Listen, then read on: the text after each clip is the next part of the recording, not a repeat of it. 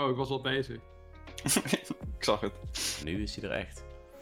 Beste bezoekers, welkom allemaal in het Café. Ik ben Dreon en vandaag wordt vergezeld door onze eigen Mitch. Yo. Mink. Goedenavond. En Robin.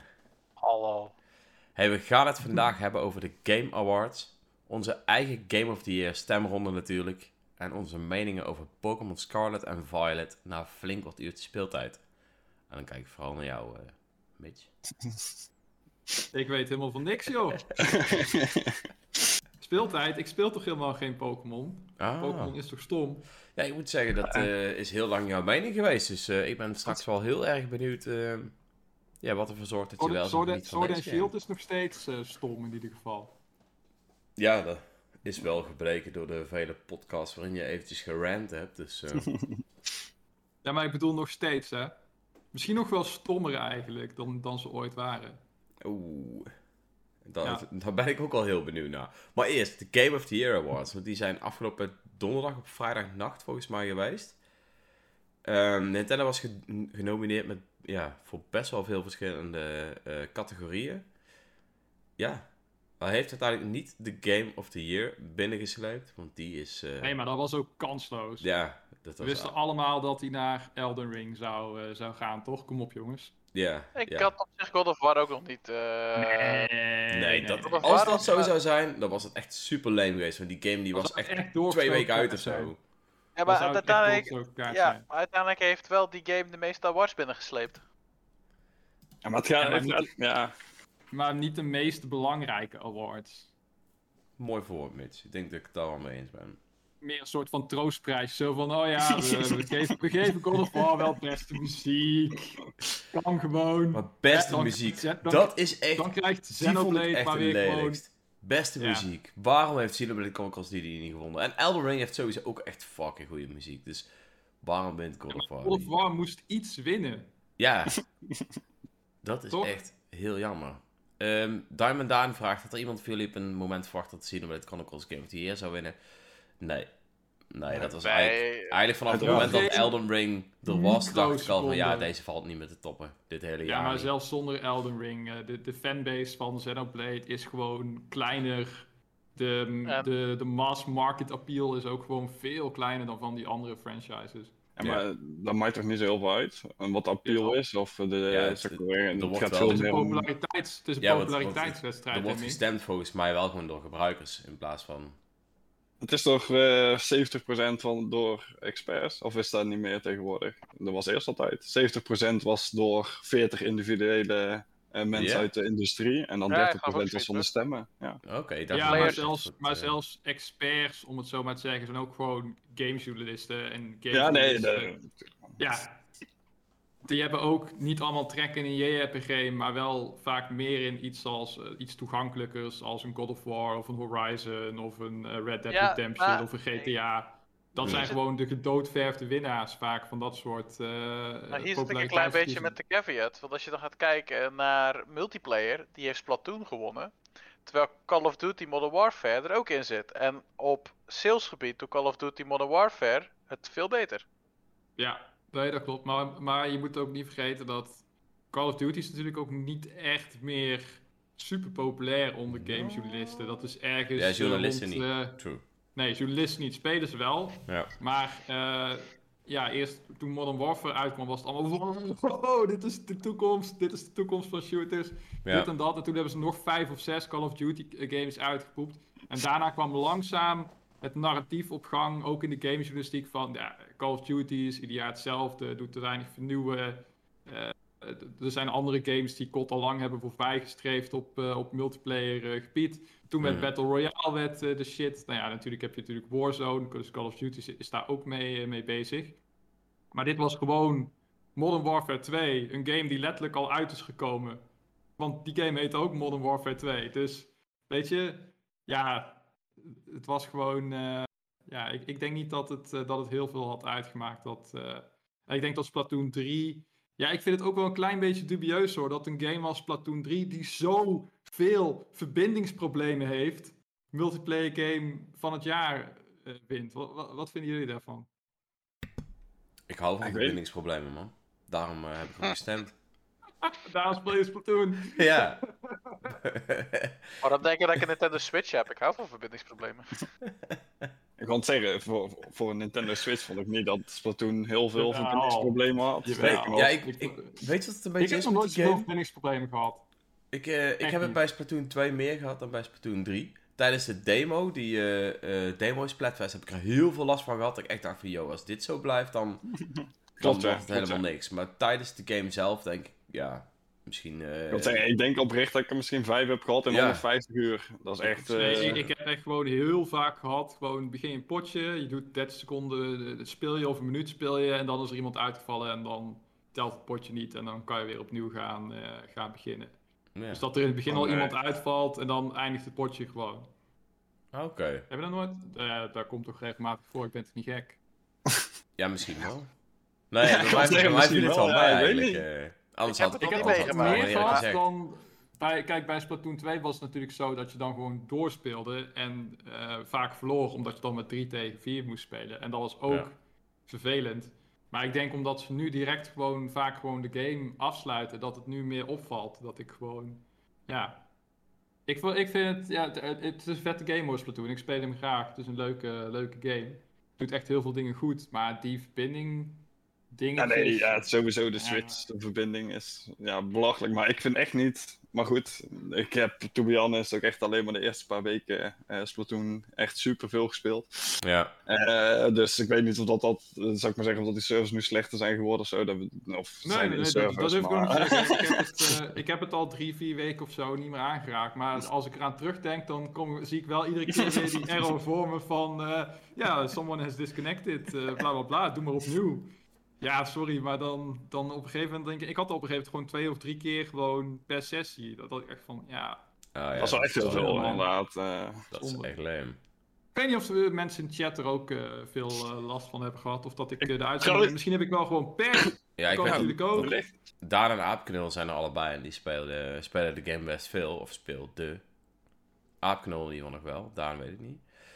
Dus laat maar even weten. Ik ben benieuwd. Maar alsnog, hè, het is wel een hele toffe game. En dat hij wint van Modern Warfare vind ik wel heel tof. Is natuurlijk vet. Het, ja, het, het, het, enige waar ik gewoon echt gewoon om kan huilen is dat Xenoblade geen één prijs meer heeft genomen. Dat hij niet de Game of the Year is, dat, dat begrijp ik. Want Eldering was gewoon echt een super toffe game. Dat die best RPG is, begrijp ik ook nog, want Eldering. maar ja, gewoon ook de muziek. Ja, dat, dat, nee. Ja, maar niet alleen ah, dat. Ik zou zelfs uh, zeggen op narratief. Ik denk het verhaal dat Xenoblade nee. 3 vertelde. Ja, kom op. Alleen al. Dat is wel een heel goed verhaal. Dat is heel tof. Alleen maar op uh, die chapter 5 op 6. Ja. Die overgang ja. is een van de beste dingen die ik in gaming heb ja. gezien. Eens. Dat was wel echt heel goed, ja. Dat was wel echt mega, mega hype. Echt geweldig.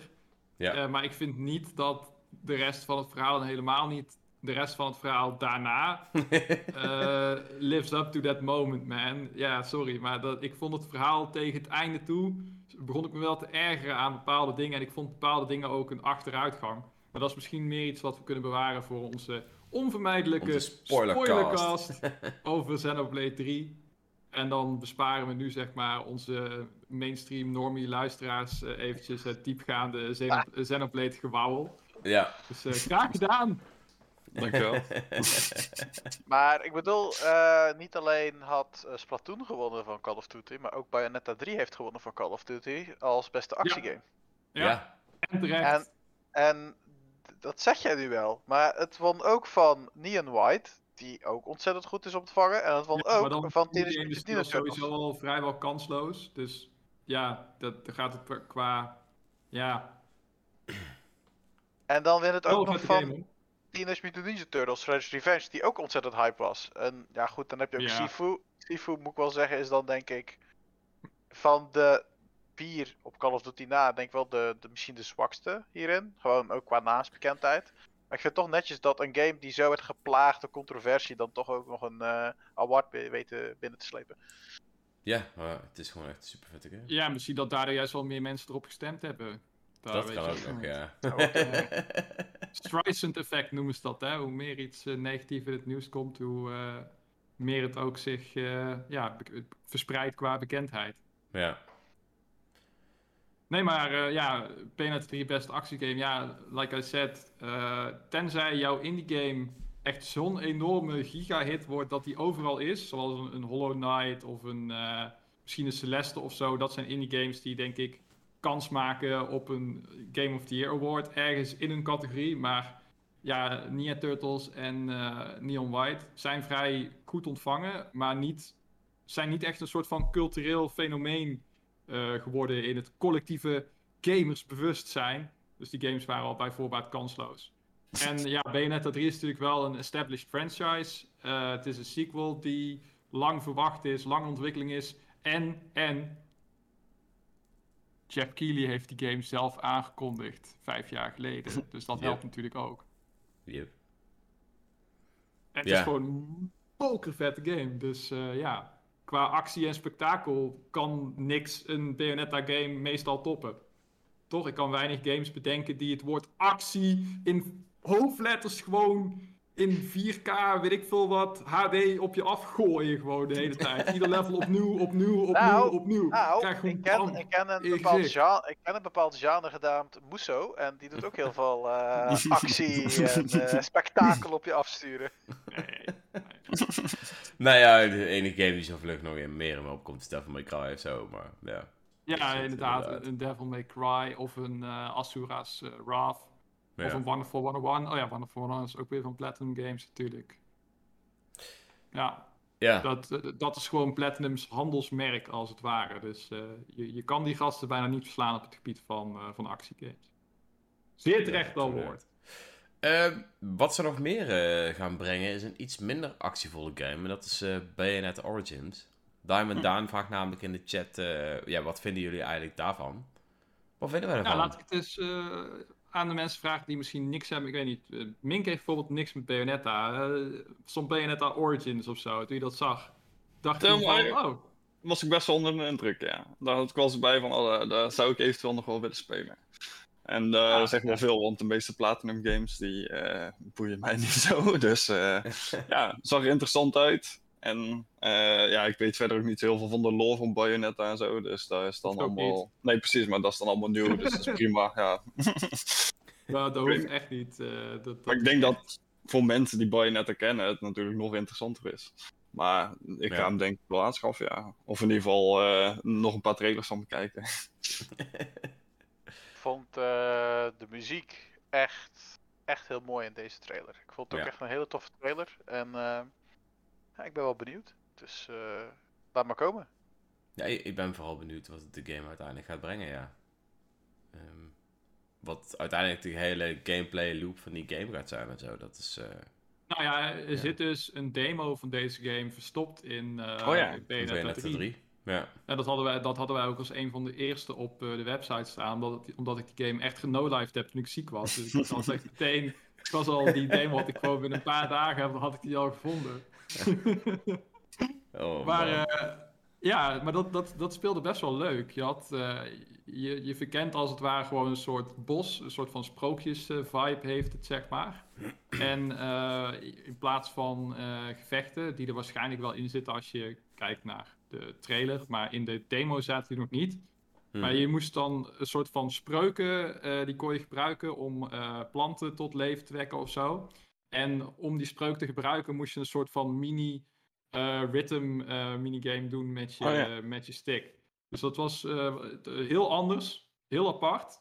Vergeleken met natuurlijk, en heel rustig, vooral heel rustgevend was het eigenlijk. En dat zijn ja, woorden die je toch niet zo heel snel gebruikt bij Platinum Games. Rustgevend en ja, een beetje puzzelachtig, dat soort dingen. Dus ik ben heel benieuwd wat ze ervan gaan maken. En ook vooral of het inderdaad mensen zoals Mink of andere mensen die niks hebben met, met Platinum Games of de over-de-top actie uh, nou ja, of, die, of ze dan misschien wel een nieuw publiek kunnen, kunnen aanspreken. Je zou zeggen, op een Nintendo-console zou een sprookjesachtige top-down game, dat, ja, dat zou een, uh, een home run moeten kunnen worden. Zeker. Wel een uh, Platinum Games game zonder actie. Hij heeft gewoon. Nee, zonder actie zou ik het niet doen, maar anders ah, niet zoals Platinum Games met zijn actie. Nee, nee, nee. Het zal niet Best Action Game winnen op de Game Awards. dat, kan ik je nu al, dat kan ik je nu al verklappen. Dat gaat niet gebeuren. en Kirby heeft ook een prijs gewonnen. Ja, is oh, beste familiegame, volgens mij in mijn hoofd. Ja, ja best family game.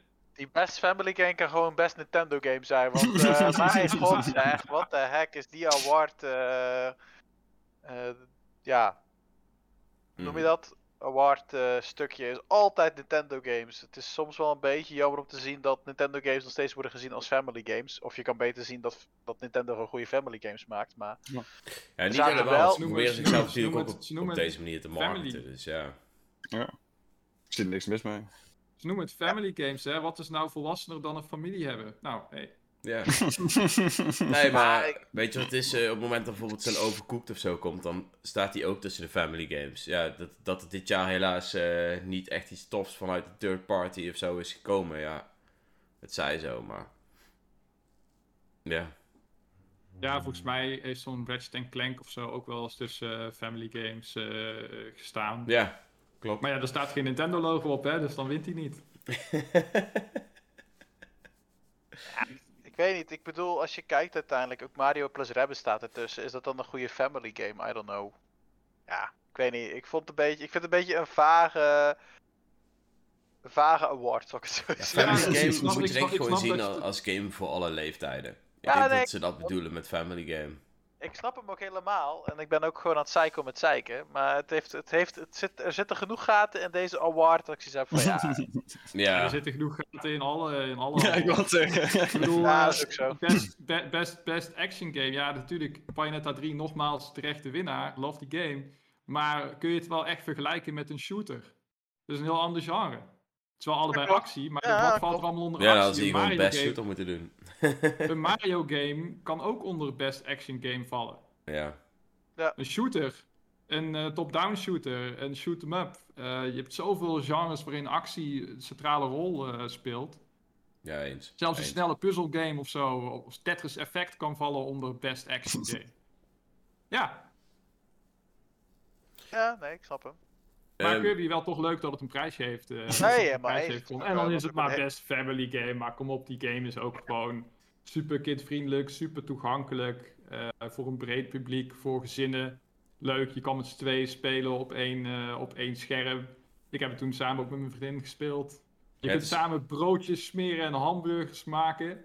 Oh, leuk man. Dat ja, dat is toch mooi. Ja, dat kan ook in Pokémon, ja. Maar Alleen bij Kirby heb je wel betere frames. Oké. En het ziet er beter uit, ja. ja. En smakelijk. Ja. ja, Kirby is leuk voor iedereen, behalve voor mij. Dus, uh... Ik wil zeggen, ah, zeg je jij, gaat nog wel, jij gaat nog wel een keer voor de bel. Ja, weet je, als die game misschien ooit een sale is, denk ik wel van oké, okay, uh, dit is het moment. Maar uh, ja. Oh, en overigens, uh, daarna had nog wel even een goed dingetje aan. Vorig jaar won It Takes Two de prijs voor beste familiegame. En overigens ook volgens mij de Game of the Year. Game of the Year, ja, Dus ja, Hey, you never know met de familiegames. Dat is. Maar mijn punt was meer dat Nintendo daar vaak in wordt gesmeten. Dat was meer mijn punt. Ja, maar dat is dit jaar niet helemaal relevant, want ze hebben drie andere awards gewonnen. Ja, en weet je, als er niks anders is, ja, dan. Nee, dat Nintendo games in. Toch? Heeft Nintendo in ieder geval altijd één prijs. Maar als er één jaar is, dus om daar niet over te zeuren, is het wel dit jaar. bedoel ik eigenlijk mee te zeggen. Want ze hebben dus Best Action Game. Ze hebben, uh, hoe heet het? Uh, ja, twee andere awards nog. Best Multiplayer. Best Multiplayer, Best Action. En nog een hele belangrijke. Most Anticipated. Most die hebben ze ook best wel, uh, ook wel tegen wat andere games mogen strijden. Ja, dit is volgens mij ook de eerste keer in vijf jaar tijd dat uh, de nieuwe Legend of Zelda die award wint. Ook al kijk ik er natuurlijk al uh, vijf jaar naar uit. Dus uh, ja, ja. ieder jaar in.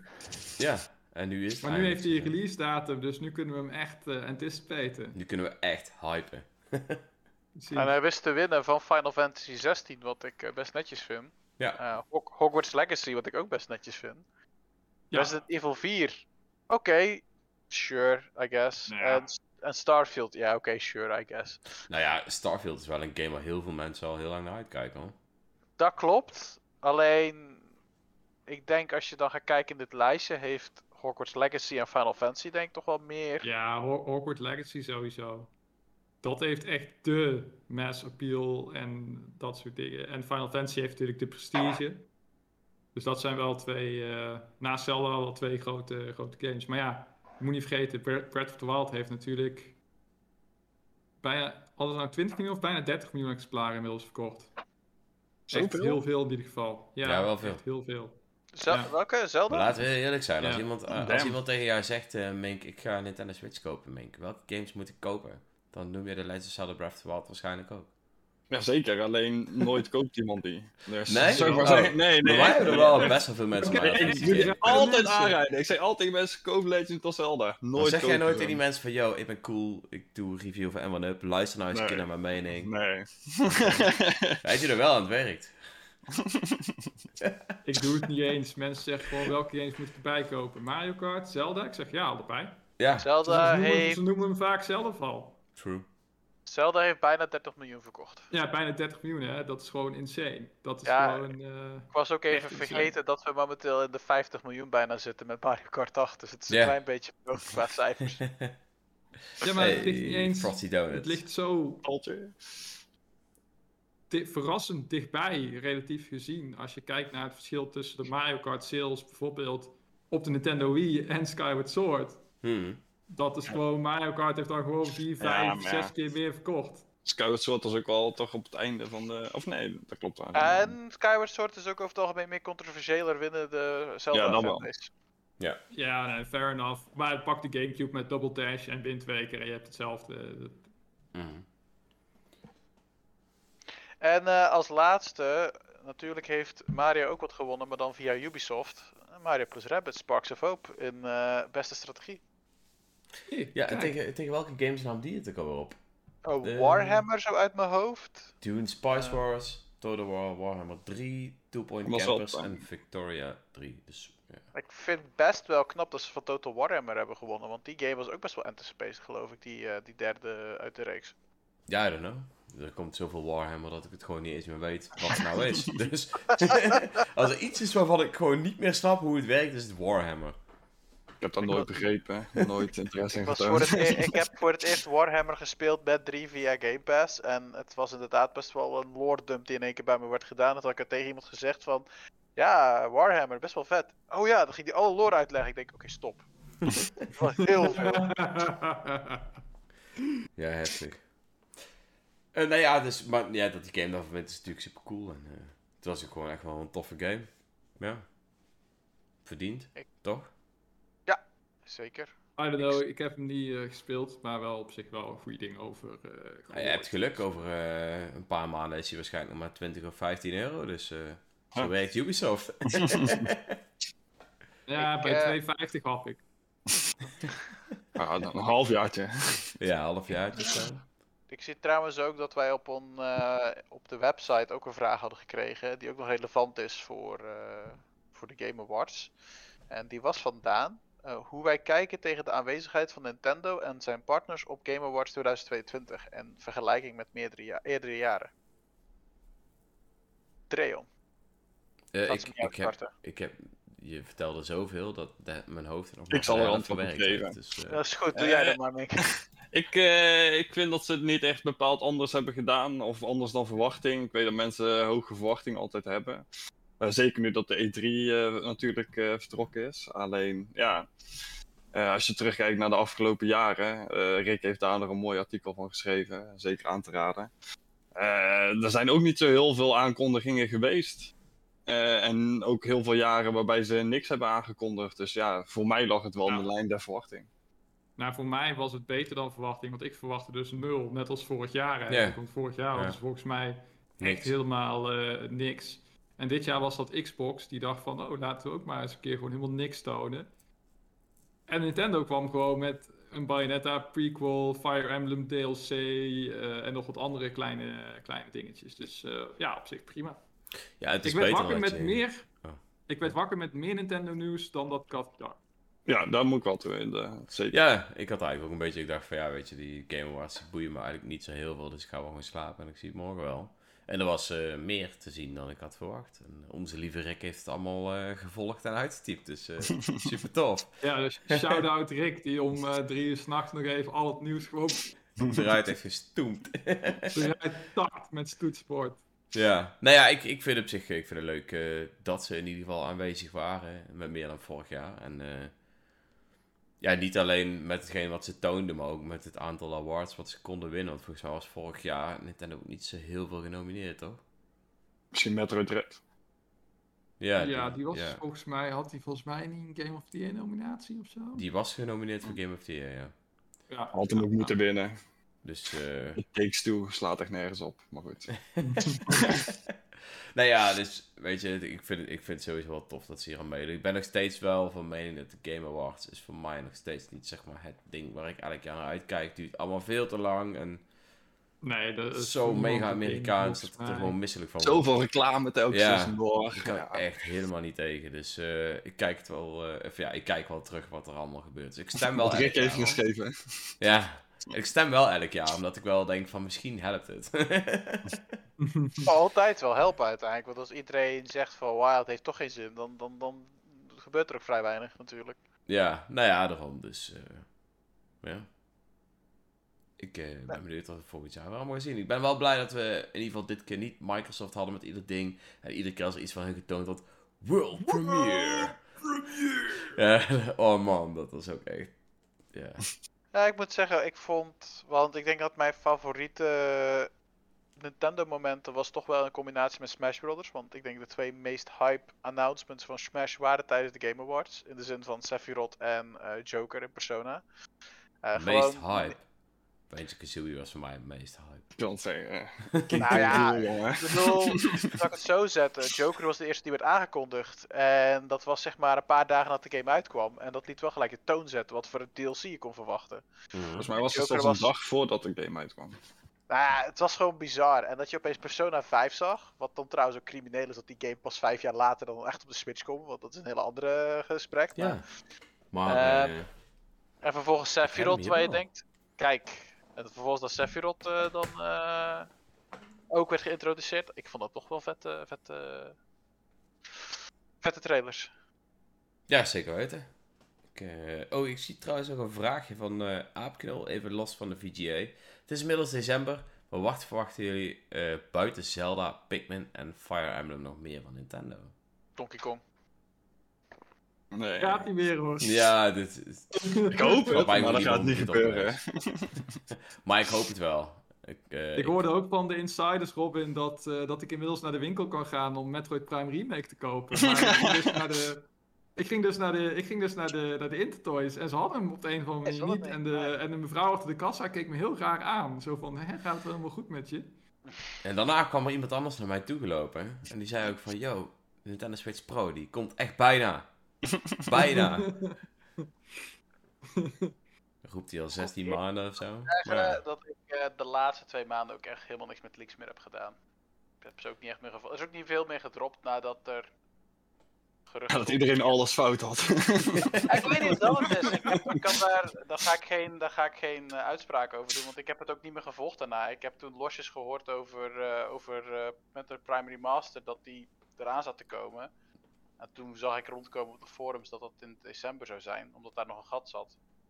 Ik moet ook eerlijk zeggen, ik heb er ook verder niet meer naar gevolgd hoe het wat. Ik wil het best uitzoeken om mij gelijk te krijgen, maar ik moet eerlijk zeggen, ik heb het ook veel Dat is niet, dat is niet de juiste motivatie om iets uit te zoeken, Robin. dat heet confirmation bias. Nee, maar ik bedoel, uh, of me ongelijk te tonen kan ook, hè. Nee, maar ik heb er gewoon geen tijd voor gehad om er naar te kijken. Dus uh, ik moet eerlijk zeggen... Je bedoelt de waarheid te achterhalen. Dat zijn de oh. oh ja, ik moet echt journalist uh, woorden gebruiken, jargon. Jargon. Nee, maar nu we het dan toch weer over wanneer denk jij dat er voor een Nintendo Direct plaatsvindt? Die discussie begint ook weer bijna. Ja, het is vaak ja, januari, februari toch? Dus ik bedoel... Dus 1 januari ga jij zeggen van, uh, ja, uh, januari komt hij. Januari komt hij, ik, ik heb het gehoord. Van, uh, vanaf januari zal ik waarschijnlijk wel wat weer gaan opzoeken in, qua, qua geruchten. En dan mogen jullie weer zeggen of ik goed of fout heb. Oké. Okay. Dus het geruchtenhoekje van Robin komt er ergens in januari weer terug als er ook echt iets te geruchten valt. nou ja, vet. Ik, ik vind het wel leuk om een beetje mee te speculeren. Ook al neem ik bijna alles met korreltjes uit. Moet je Neem zelfs nul vatzout. Ik, ik, zeg maar, uh, als ik dingen pak en het gebeurt niet, dan ben ik ook niet zeg maar heel erg salty. Ha.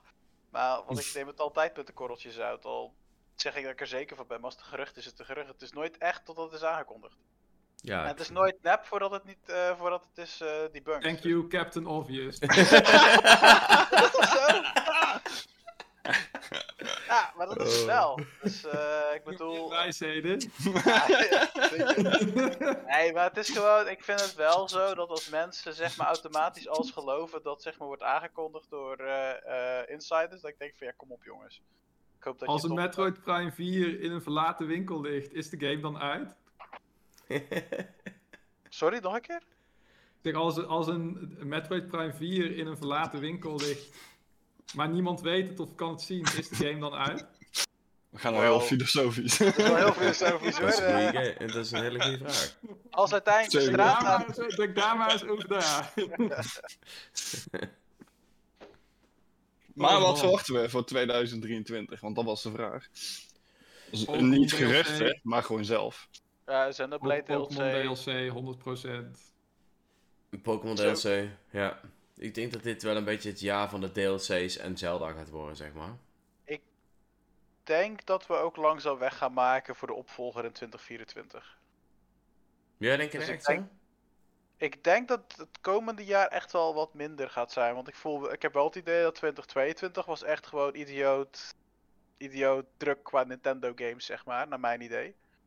Ja, Dat gevoel heb ik in 100%. ieder geval wel. maar nu is het eigenlijk een beetje kijken, oké, welke studio's hebben nou drie tot vier jaar geleden hun game uitgebracht? Die Mario gaan dit Galaxy. jaar weer komen. Eh, Mario Odyssey.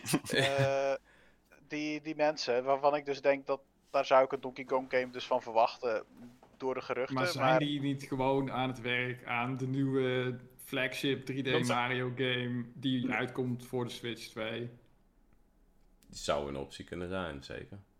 In plaats van resources te zetten in een Donkey Kong game die misschien wel, misschien niet bestaat. Maar die wel flink wat Hey, ontwikkeltijd maar kost. even, even buitenom leaks. Laten we even de leaks erbuiten pakken. Stel dat ik nu zou zeggen, hey, een Donkey Kong game, vind jij dat logisch of niet logisch? Zou je dat weer proberen, ja of nee? Maar, zou ik maar zeggen, Donkey Kong, die games zijn allemaal door eh, eh, retro gemaakt hoor. Ja, de laatste paar keer Dus wel, die zijn niet, zou ik maar zeggen, eh, en retro is nu super druk met Metroid. Nou, Dus maar ik- het, het, Ja. ging, het ging volgens mij meer om dat er volgens geruchten een 3D Donkey Kong game zou komen die meer zou lijken op Mario Odyssey. Ook door het team van Odyssey, zeg maar. Ah, Het zou een team zijn van jonge mensen die aan Mario Odyssey hebben gewerkt, die Donkey Kong weer in de spotlight wouden zetten. En dat zou zeg maar in samenspraak zijn met, nou één, de Mario film waar hij dus wat meer ook wordt gepusht. Er zou blijkbaar een Donkey Kong film komen. Mhm. En natuurlijk ook die uitbreiding op het park, wat dan Donkey Kong gefocust is. Dus dat zou de reden zijn geweest dat dat dus dat gerucht vorm heeft gegeven. En dat daar dus iets aan zit. En op zich, voor mij, met alles wat daarbij stond, vond ik het logisch. Zal ik het zo zeggen. Ja, je kunt het logisch beredeneren inderdaad. Maar- ja, dat, dat, dat, Ver- dat Verwachten we vergroot niet wel. gewoon een Mario kans, game maar- bij de Mario film? Dat vind ik een Nee. logischere vraag. Ja, nee, maar dus- 2D Mario. Dan. 2D Mario Ja, maakt niet uit. In ieder geval een game die gaat Want aansluiten bij de film. We hebben nog geen 2D, nieuwe 2D Mario gehad naast nieuw Super Mario Bros. Dat vind ik ook Ja. prima. Dat mag zo wel En blijven. Mario Maker even ernaast. nee, ja, want het, het, het klinkt als een logische stap natuurlijk. Hè. Dat is al een tijdje geleden dat, eh, dat, dat, dat er filmgames en al die bullshit allemaal kwamen. Dat doen ze niet meer zoveel. Maar ja, Mario is natuurlijk wel het perfecte moment om eens te zeggen... Oké, we gaan wel weer eens een eh, game maken die bij de film hoort. Want ja, nu zijn de rollen een beetje omgedraaid. De film is Ja. gebaseerd op de games namelijk. Met een eigen twist, een eigen... Ja. Ja, maar aan de andere kant is er ooit bij een gamefilm een vergelijkbare game of een nieuw deel uitgekomen. Ik kan me namelijk niet één keer Ja, maar er herinneren zijn ook er zijn denk ik niet heel veel gamefilms gemaakt Sonic, op de manier Kunst- zoals dat nu kunst, gebeurt. Vaak is het- Sonic, Ja, maar dat is ook anders, anders dan hoe dit natuurlijk is. Dit, is, dit pakken ze wel iets groter aan, voor, naar mijn gevoel. Naar mijn mening. Ja. Ja, ja, ze hypen, ze hypen het wel. eh, Ja, dit is wel goed, eh, op een hele andere manier dat natuurlijk dan Sonic. En Sonic was Maar- echt wel tof, maar ja. Nee, maar ik, ik bedoel, nee, maar wat ik meer bedoel is dat ze specifiek de, de development van een game of de release afstellen op de release van een film. Zeg maar. Ja, je weet het Dat niet. Inmiddels is het voor dat team bijna- alweer... gebeurt eigenlijk gewoon bijna nooit. Nee, maar inmiddels Dus is het voor dat team natuurlijk dat al, al lang van- geleden, dus ja. Ja, ja, maar die film komt in april uit of whatever of zo, weet je wel. Dus stel, Mhm. dan, dan zou die game ergens, weet ik veel, in januari of zo, of in februari, zou die dan cold moeten, eh, moeten gaan. Of al eerder, zeg maar. En als die al eerder af was, dan denk ik eerder dat ze hem rond de feestdagen hadden uitgebracht. Dan dat ze denken van ja, we gaan toch wachten tot april tot die Mario film uitkomt. Want ja, ik Nou, denk en- dat... Dan was hij ook al aangekondigd, denk ik, als ik heel eerlijk ben. Ja, dat weet je nooit. In april moet verschijnen. Is dat Ik zo? zou het wel bizar Het, vinden ook als in- het kan ook in januari aangekondigd worden. Drie maanden. Ja, maar ik is het- bedoel, Super, Ma- Ja. Super All-Stars heeft het zelfs voor twee weken gedaan. Dus- Ja, maar, Maar ja, dat is een remake van vier games, ik wel zeggen. eh, Van de NES. Ja, maar En- eh, ik bedoel, ik, ik Dat was voor- natuurlijk- Ja, nee, duh, ik snap dat dat niet logisch is. Maar ik wil alleen laten zien dat Nintendo de capaciteit heeft om een game in twee weken in de winkels te leggen. Dat Ja. bedoel ik ermee te Dat klopt, maar ik Dus denk niet dat het ooit is gebeurd bij een flagship Nintendo Natuurlijk game niet, of een maar Mario ik game. bedoel- Zeker niet, aangezien de maand erop komt Zelda uit. Ik verwacht niet dat we in april een nieuwe Mario game gaan krijgen. Dat zou ik ook heel sterk vinden inderdaad, om, eh, om, om, als je naar Zelda kijkt inderdaad, die willen ze gewoon alle ruimte geven om te ademen, ook al is het nu Ja, niet ik, om ik te denk huilen. gewoon echt dat het DLC's is tot aan Zelda eigenlijk. Ja, dan komt ja, er dus ook je geen nieuwe Mario game. Ja, Nee, maar ik, ik zei ook niet dat het gebeurde. Ik vroeg alleen, is het logisch? ik zeg niet, Ja, het gaat gebeuren, maar ik vroeg, is het logisch? Nee, Je hebt, je hebt Fire Emblem statement zie je gewend, Rayon. Huh? ja. Je hebt wel al, dat zeg je nu wel, maar je hebt Fire Emblem heb je in januari, je hebt Octopath Traveler 2 in februari, dan is maart nu nog leeg en april is leeg. En mei is voor Zelda. Maar Octopath Traveler 2 is een Square Enix game. Ja, Die sure, maar het is eventjes wel, tijdelijk een- exclusief is en daarna niet meer, want dat zijn we inmiddels gewend van Square Enix. dat klopt. Maar het is wel een titel die op de Switch komt, dat de opvolging is van een game die op de Switch is geweest. Dus die tel ik wel Die daarin ook mee. tijdelijk exclusief was. Ja, maar dat maakt misschien niet zoveel uit. Het is op zich wel een redelijk grote eh, release. Ik denk dat Robins punt meer is dat de maanden maart en april nog leeg zijn qua semi-grote releases. Dus iets, iets, iets in mij zegt dat we eh, drie dagen voor de release van de Mario film opeens Nintendo Advance Wars in de winkels flikkert. Dat zou ook kunnen, die. ja. Zo, ja. was gaat nooit meer verschijnen. Hoe vaak moet ik het nog zeggen, jongens? Ja, Dat gaat is hij niet meer gewoon niet verschijnen, waar. denk je? Dat is gewoon niet waar. Die gaat nooit meer 100%. verschijnen. Oké, als dat zo is, dan zouden ze die ondertussen ook al uit hun eh financial Zeg het al een reports jaar, jongens. Mink, ik bel jou ja. over tien jaar op en dan, en dan is, ligt Advance Wars net in de winkel en dan zeg ik... Mink, Zie je Zie je wel? nou wel? hier, ligt bij de Intertoys, naast Metroid Prime 4. Ja, dan kom ik er meteen eentje halen. Ja, groot gelijk. Ik denk dat ze eind, eind volgend jaar nog een eh, Fire Emblem remake eruit gooien. Hoeveel Fire Emblem hebben we nog nodig? Ja, op zich is het wel een de Fire Emblem geweest voor mij hoor, maar... eh, Nee, maar dat is het. Ze gaan het toch doen, ook al is het heel onlogisch. Nee, maar jij, jij, jij praat net heel het over wat logisch is, Robin. En nu ga je allemaal dingen noemen die onlogisch zijn. Dat vind ik niet, dat vind ik niet Ja. helemaal logisch. Ik bedoel, als je kijkt naar de 3DS, die heeft dus in 7 jaar heeft die Awakening gehad. Die heeft eh, de hele Fate-serie gehad. En die heeft de remake gehad van Echoes. Ja. dat is wel voldoende. Als je gaat kijken naar, eh, als je kijkt naar de Switch, die heeft alleen, eh, kijken naar core Fire Emblem titels, Three Houses en Engage. En Engage. Ja. En Maar dat dan is kan ook je prima. Muso, dan kan je die Muso, ja tuurlijk is het prima, maar een remake is altijd leuk. Ja, zou kunnen. Het is wel de goedkoopste optie die wel logisch is richting het, eh, als we echt richting het einde van de levenscyclus van de Switch gaan. De actieve levenscyclus. Dan is een remake natuurlijk wel ja, makkelijk of zo. Hmm. Ik denk verder- kans niet onbestaande. Maar even kijken, als je op DLC-gebied gaat kijken, krijg je DLC van Xenoblade. Dus die krijgt nog een groot verhaal. Pokémon, dat zal waarschijnlijk in november zijn van 2023. eh, om die daar eh, los te gooien, de DLC daarvan. Eh, je hebt eh, Splatoon 3 die nog een DLC krijgt, gigantische DLC. Mhm. Ehm, Ja. Monster Hunter, Sunbreak. mm, ja, die krijgt nog twee updates en dan zou het officieel klaar moeten zijn. Denk ik. Dus eh, ik denk twee of drie updates. Eh, even zien, welke games hebben we nog? Nou ja, Pikmin 4 komt er natuurlijk ook aan. Ooit ben Ooit, ja. Staat wel voor 23 in ieder geval. Heeft hij niet al een datum trouwens? Nee, volgens mij niet. Maar dat is wel een game waar ik eh, stiekem ook wel naar uitkijk. Vooral als die weer co-op multiplayer bevat. Ja, Pikmin 3 was echt geweldig. Ja. Ja, dat is wel een game die ik ooit gewoon een keer wil, uh, wil proberen. Drie of vier? Allebei. Gewoon überhaupt een Pikmin game. Uh, ook, le ook, een leuke game om samen met vriendin te spelen, lijkt me. Pikmin 3 is nog niet op de Switch, of wel? Jawel. Jawel. Wel, die is al op de Switch. Ja, als deluxe. Ja. Ja, daar heb ik veel meer lol aan beleefd dan ik eigenlijk had verwacht. Dus, uh, ja, tof. Het is ook niet een hele lange game, denk ik, of wel? Het ligt een beetje aan hoeveel tijd je erin wil stoppen. ik heb toen uh, samen met een maat... Gewoon... Ja? Nee? Ja, ja, wij hebben, ik heb toen met een maat heel veel gespeeld, Pikmin 3.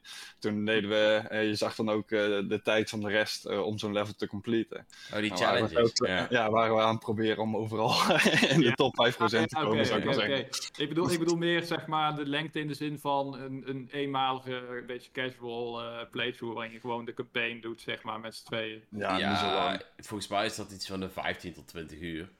En... Oké. Dat is nog best meaty. Ik moet zeggen... Ik, ik zeg een dag minder, maar... Wij zijn wel voor 100% completion gegaan. Ja, Maar dat, dat doe je toch als je de game speelt. Want dan, ja, ja je, je ziet dan nog een paar van die stukken fruit liggen en denk je, ja, die moet ik gewoon hebben. Mijn vriendin is sowieso echt een Uber completionist. Ja, die uit Duitsland komt, vandaar het voor, voorzetsel Uber. Maar als wij Luigi's Mansion 3 spelen en we gaan zo'n kamer in, dan gaan we er niet uit tot alles is gestofzaaid. van, de lamp, van de lamp tot het laken, tot de spiegel, alles... Brandschoon. Overal moet het geld uit. Denken jullie dat er trouwens iets Metroids komt volgend jaar? Nee. Ik denk het wel. Jawel, het moet nog een keer gebeuren. We gaan uh, volgend jaar november, uh, of december misschien, uh, en ik... denk ik dat Metro Prime 4 uit gaat komen. Nee, ik denk dat uiteindelijk... ik denk wel dat uiteindelijk die geruchten van Metroid Prime Remake wel waar zijn. En dat het vanzelf een keer gaat komen, ook al duurt het tering lang, met een aankondiging van oké, dan komt 4. En dat duurt nog twee jaar langer of zo. Dat denk ik. Ja, ik denk dat 4, denk dat 4 sowieso... gaat van de Switch. Ja, ja zou goed kunnen. ik ook. Ja. Of een soort van cross-gen, whatever. Wat? Ik denk dat het een soort van Breath of the Wild wordt voor de Switch. Uh, twee.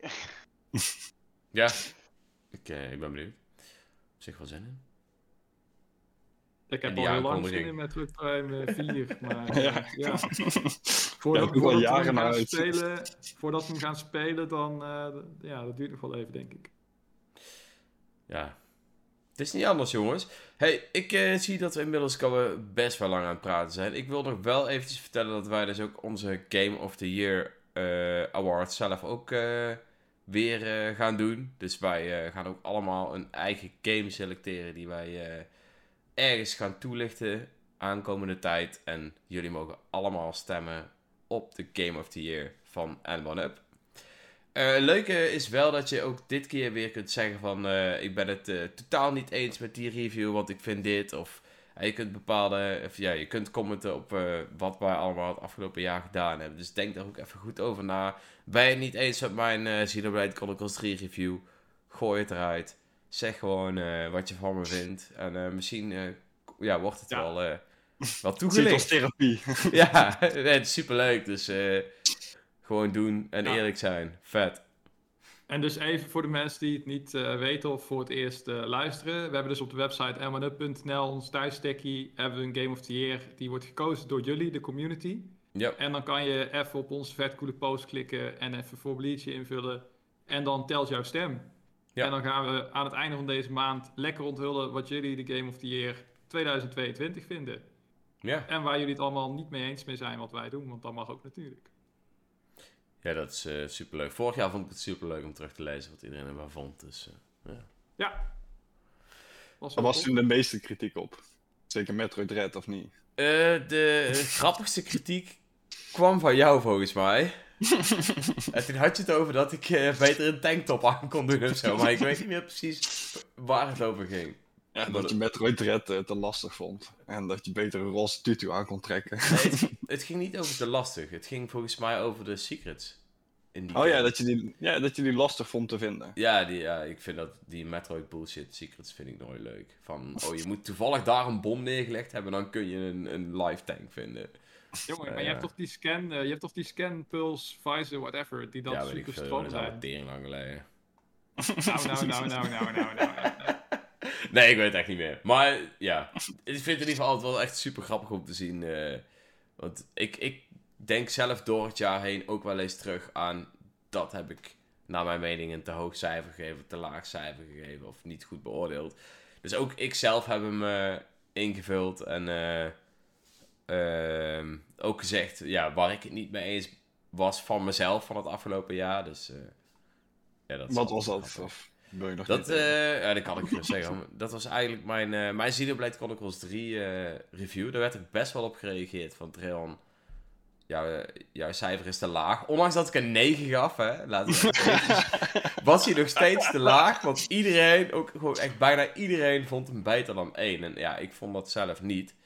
Um, ik vond 1 gewoon echt een perfecte game. Ook qua verhaal en zo was het gewoon echt top.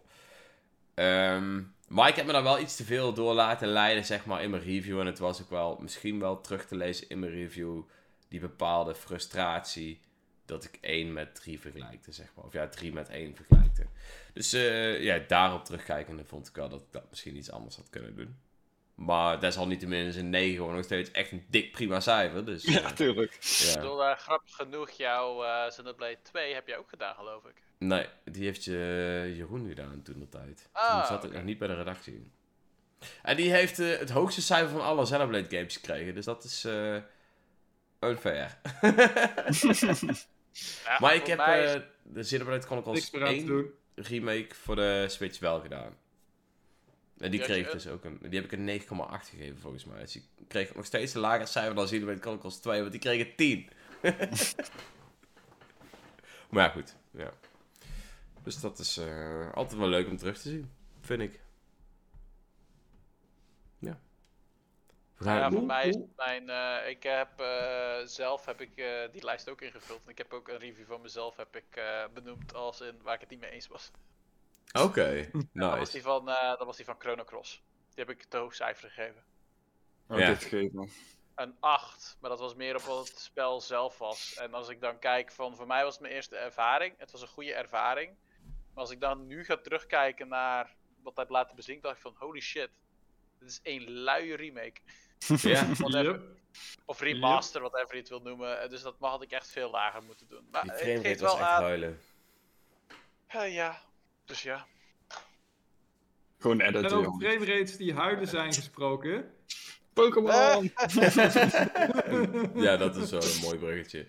Wat, uh, Pokémon Scarlet en Violet, jongens. Inmiddels hebben jullie vooral echt heel veel uren besteed in uh, Padaya.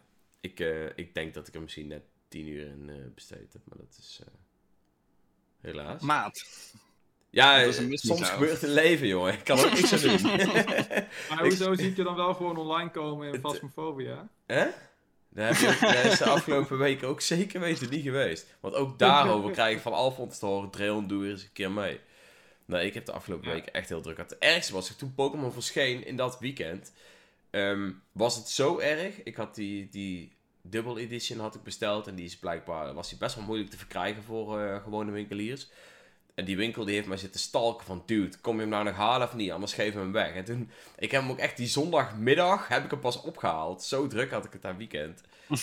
Terwijl dat is, dat is niks voor mij. Dat een game verschijnt die ik dan gepreorderd ja. heb en dan haal ik hem drie dagen later op. Nee, dat was echt Big jammer. sad, man. Big sad. Ja, ik heb die, dat hele weekend heb ik niet meegedaan aan de hype. Dat is echt jammer. Maar jullie hebben wel meegedaan aan de hype. En wat vonden jullie van die game? Ik heb hem gereviewd, dus mensen wisten het cijfer al, maar ik moet er toch wel iets aan toevoegen. Stel. Okay. Ik heb hem dus gereviewd op uh, basis van andere Nintendo games, want ik denk dat vind ik fair. En dat kan je ook lezen, hoop ik, in mijn review. Mm -hmm. Maar ik denk als een Pokémon game, en dat heb ik ook heel duidelijk aangegeven. Ik denk dat als je even door het buggy uh, omhulsel heen kijkt, zit daar gewoon een fantastische game in. En ik denk dat dat zeker een Nintendo een uh, Pokémon game is die een 9 waard is. Dat is qua gameplay puur dat hij dat zo erg draagt. Vind ik best uniek. En ik vind de designs van Pokémon goed. Ik vind de muziek goed. De omgeving is interessant. En open world Pokémon is iets wat zeg maar vooruit moet. Als we teruggaan nu naar, naar Sword and Shield. Ja. dat zou jammer zijn. Ja, dat kan natuurlijk niet. Maar Sword Shield was duidelijk een tussenstap van de, de oude Pokémon naar een open world toe. Weet je wat grappig is? Toen, toen, toen uh, Let's Go Pikachu, Let's Go Eevee kwamen, zeiden mensen, ah, dat is een tussenstap voor de volgende Pokémon. Toen kwam Sword Shield. ja. Maar het Pokémon Sword Shield zijn gewoon een soort omgekeerde fles wijn. Hoe, hoe verder we, hoe verder, we verder gaan in de tijd, hoe verrotter het wordt gewoon. Dat je denkt van, Godverdamme, heb ik deze bagger ooit gedronken of gespeeld? ik denk uh, dat... Het is echt gewoon, echt waardeloos. Ik denk Sword Shield voor mij deels gered zijn door de DLC. En ook omdat het design van de Pokémon best goed zijn. Ik vind de Galar-regio heel tof. Maar het is zeker minder in vergelijking met um, uh, Scarlet en Violet. Ja, maar ik heb dus... Even iets ik, met je mic doen, ik hoor je heel slecht. Ja, je mic uh, wordt inderdaad duidelijker. Ja. Maar uh, ja, ik, ik ben dus ooit, uh, dat is misschien een leuke anekdote voor de mensen die het niet weten. Ik ben ooit bij de N1-redactie gekomen en uh, als een soort van sollicitatie-intro-stuk, ook het eerste stuk van mij ooit gepubliceerd op N1. dat was een column over de aankondiging van Pokémon Sword and Shield. En de, titel, de titel van de column was: Zie je die berg in de verte? Daar kun je dus niet heen. Oh ja, wat, een verwijzing, wat een verwijzing is naar de, naar de aankondiging van Breath of the Wild. Waarin uh, Zelda-producent uh, Eiji Ayanuma zegt van... See that mountain over there? You can go there. Want, maakt niet uit. Maakt niet uit wat je ziet in de game. Je kan er naartoe. En in Pokémon uh, Scarlet en Violet is dat ook eindelijk dus echt zo. Je hebt gewoon eindelijk een seamless open world. Je kan net als in Zelda kan je echt op 90% van de, van de oppervlak kun je gewoon klimmen. Kun je gewoon hoogte, hoogte maken en zo. Ja. En alleen al dat gegeven, dat je gewoon overal kunt gaan en staan waar je wil. Dat je dingen in de volgorde kan doen die je wil. Dat je je eigen tempo kan bepalen. Eh, bijvoorbeeld dat je denkt van, oh ja, ik heb zin om een water-Pokémon te vangen. Maar in een oude Pokémon-game zou je dan moeten wachten tot je in het stadje komt waar je de hengel kunt krijgen. En dan ook nog eens een stuk water moet gaan vinden waar meer is te vangen dan alleen een Magikarp. En in deze game kun je zeggen van, oké, ik ga gewoon even naar de andere kant van de map. Daar is een strandje. Ik ga er even wat water-Pokémon zoeken en dan kom ik terug om uh, de Rotsgym een, eh, een opdonder te verkopen, bijvoorbeeld. Ja. En dat vind ik gewoon onwijs tof. Ja. En dat maakte mij echt redelijk hoekt aan die, uh, aan die game. Voor het eerst, ja, in misschien wel, ja, ik denk voor het eerst sinds Nintendo DS dat ik weer gewoon echt een Pokémon game leuk vond om te spelen. gewoon echt leuk. Ja, dat ik echt denk van, Mitch, jongen, wat is er met je aan de hand? Je hebt gewoon lol met Pokémon. Ik ben naar je overgeslagen. Of, uh... ja, dat was, voor mij, dat was voor mij de eerste game sinds lange ja. tijden toen de tijd. Ja, maar X en Y zijn ook vrij matig hoor. Het is gewoon, nee, het is... jongen. Mega Evolutions was echt super hard. Uh, eindelijk meer dan fucking vierkant op kunnen lopen was wel echt uh, een ja. verademing. ja weet niet. Het was, uh, het was, het was, het was oké, okay, maar de regio was saai. En je had toen ook al dat alles heel erg lineair was. Dat je bijna niet meer kon verdwalen. Dat je eigenlijk geen dungeons meer of iets in die trant uh, had. En ja, dat okay, alles ja. super makkelijk was. En je rivals waren super duper mega lame. Echt de grootste kneuze club die ik ooit heb gezien. Nee, die, die, die heb je Sword Shield. Die heb je ja, oké. Okay. ja, maar Sword Shield had uh, Hop was natuurlijk echt een vervelend rotjong. En die beat, die beat was nog wel oké. Okay, was gewoon een beetje het arrogante gastje, whatever, weet je wel. En dat is puur de rivals, hè. Ik bedoel, alle andere personages in Sword Shield, die geef ik je allemaal stuk voor stuk knuppels. maar uh, in uh, Pokémon X en Y specifiek zijn de zwakste rivalen die je ooit hebt gehad. Want dat zijn eigenlijk gewoon drie buddy-buddies. Die alleen maar alle drie dezelfde copy-paste persoonlijkheid hebben. Van ja, wij vinden jou aardig en uh, we helpen je om sterker te worden. En dat dan keer drie. En het was, ja, nee, het was echt, echt heel matig. Ik Die games hebben ook echt wel goede dingen gedaan. Voornamelijk op grafisch gebied, want voor de Nintendo 3DS was het echt vet om die Pokémon Battles voor het eerst in, uh, in 3D te zien. En zo. Dus ja. dat, was, dat was heel nice. En de Mega Evolutions waren inderdaad echt wel dope. Ja. En dat was vet dat je opeens Mega Lucario en twee versies van Charizard hebt en ja. zo. Maar wat ik ook wel nog even wil noemen is de postgame. Die was zo ontzettend zwak, jongen. Je had, je had, je had een soort van heel klein uh, kutgebiedje met drie eilanden waar je Zapdos, Moltres en Articuno kon vangen. En een Mewtwo. En toen oh, dacht ik echt van, hebben ze, hebben, ze, hebben, ze, hebben ze nou letterlijk het laatste stuk uit Red and Blue gewoon gecopy-paste en hier. Het was zo. Ja, gewoon echt flauw, gewoon. Echt flauw. Maar even, even, even, zo, want we gaan nu alle oude Pokémon games afzeiken, maar ik, heb, ik zit hier eigenlijk juist om Scarlet en Violet af te zeiken of niet af te zeiken. Want... Ja, maar Scar Scarlet Violet is zo vet. Ja, nee, maar, maar waarom? Wat maakt die games nou zo vet? Ik, kijk, ik, ik, las toevallig net ook al dat volgens mij zijn de Game Direct zei Scarlet en Violet zijn de beste Pokémon games in jaren. Als ze technisch in orde waren, zou dit misschien wel de beste generatie ooit zijn. En ik denk dat dat ook wel hetgeen is wat deze game helaas een beetje uh, ja, naar beneden heeft. Dat vind ik wel. De technische dingetjes. Want als die allemaal goed waren, hadden we echt een hele toffe game in handen. Maar... Ja, maar toch vind ik ook, als ik, zeg maar, ja, zo ben ik en zo game ik altijd, dat mm mensen die daarover lopen te bitchen of die daardoor geen plezier uit zijn game kunnen halen, ja, sorry, maar dan, ja, ik kan dat echt niet nou. begrijpen. Ik, ik, speel, ik speel zelf heel veel Bethesda games, dus misschien dat het daaraan ligt dat ik gewend ben dat er grafische glitches zijn en dergelijke. Maar dat neem ik gewoon voor lief, eh, omdat het verhaal of de gameplay of, zou ik maar zeggen, de game zo goed is dat, je dat, dat het niet uitmaakt dat er een paar grafische glitches zijn of dat het, zou ik maar zeggen, niet optimaal verloopt. Weet je wat het is? Ik ben het met je eens, maar ik denk wel dat er ergens een grens ligt. En kijk, ik heb, ik heb de game ook gespeeld tijdens die preview sessie in Londen. En voor mijn gevoel was tijdens die preview sessie was beter dan het eindproduct. En ik weet niet wat er gebeurd is en op, wat voor. Uh, want ik speelde toen natuurlijk niet op een gewone Nintendo Switch, maar op zo'n devkit. Maar ik weet niet wat er gebeurd is, maar ik irriteerde me wel een heel klein beetje aan de grafische. Of ja, niet per se grafische achteruitgang, achteruitgang qua graphics, maar wel qua framerate en zo. Ik, ja, er waren echt wel momenten dat ik echt dacht van, wow, wat gebeurt hier nou? Er zijn, er zijn natuurlijk twee uh, aspecten die uh, je niet moet vergeten, die eigenlijk heel anders zijn. Je hebt natuurlijk de visuele bugs. Hè, als ik nu een competitive potje opstart online ranked en uh, ik gooi mijn pokeball of tegenstander gooit de pokeball, dan is er een 1 op 3 kans dat de Pokémon door de grond heen zakt. Ja. En halverwege met zijn hoofd bovenuit steekt. En dan is dat in de volgende frame is dat weer goed, zeg maar. Als de camera weggaat en dan weer teruggaat, dan staat hij weer gewoon op het veld. En dat is gewoon een grafisch slordigheidje. En zo zitten er misschien wel 100 grafische slordigheden in. En dat is allemaal leuk en aardig, dat ben ik met je eens. Hè. Dat, dat, dat, moet natuurlijk niet. Dat is natuurlijk heel slecht afgewerkt voor een, uh, voor een uh, ja, prestige release als de nieuwe mainline Pokémon. Dat is natuurlijk gewoon onacceptabel. Maar, dat, maar... Ja, ik kan daar juist wel om lachen. Dat is ook met Bethesda games. Daar kan ik in principe wel. een beetje om lachen. Ook die ogen die dan opeens groot worden en al die bullshit. Ik heb tien keer liever dat dan dat ik nu naar Lake Casroya uh, vlieg en ik ga op het water surfen en er komt een of andere uh, gloeiende Pokémon en mijn framerate gaat naar 10 fps als het gevecht start.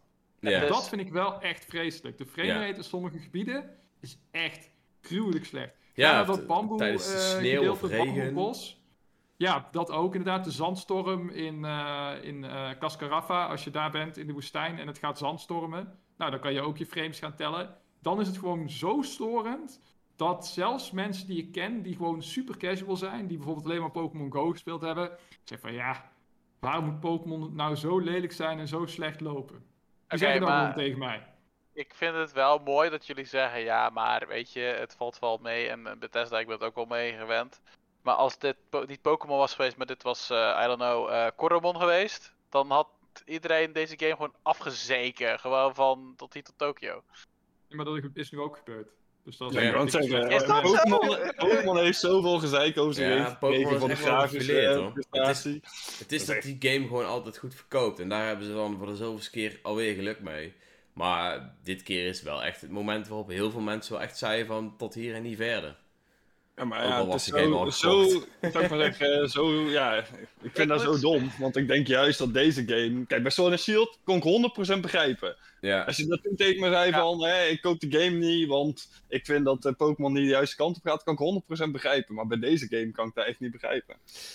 Ik vind dat bij deze gamer mm. zoveel goede keuzes juist zijn gemaakt. Ja, dat wel. Nee, maar, maar, maar, dat is ook niet het probleem, hè, Robin? Nee, ik weet dat het grafische gedeelte het probleem is. Daar ben ik het ook helemaal mee eens. Alleen, ik ben wel blij... Het technische gedeelte vind ik accurater eigenlijk dan het grafische gedeelte. Ja, het grafische gedeelte... Lelijk, maar bij ook niet uit, is, dat accepteren we wel. Ja, maar Legends Arceus was ook niet mooi, maar die liep wel gewoon goed. Wow, ik moet zeggen, ik vind Legends Arceus mooier dan uh, Scarlet and Violet. Dat, is misschien, maar een klein gedeelte... Nee, maar een klein gedeelte daarvan is ook omdat die game wel gewoon consistent liep. Ik heb daar eigenlijk, volgens mij liep die game gewoon in principe 30 fps en nooit echt problemen mee gehad.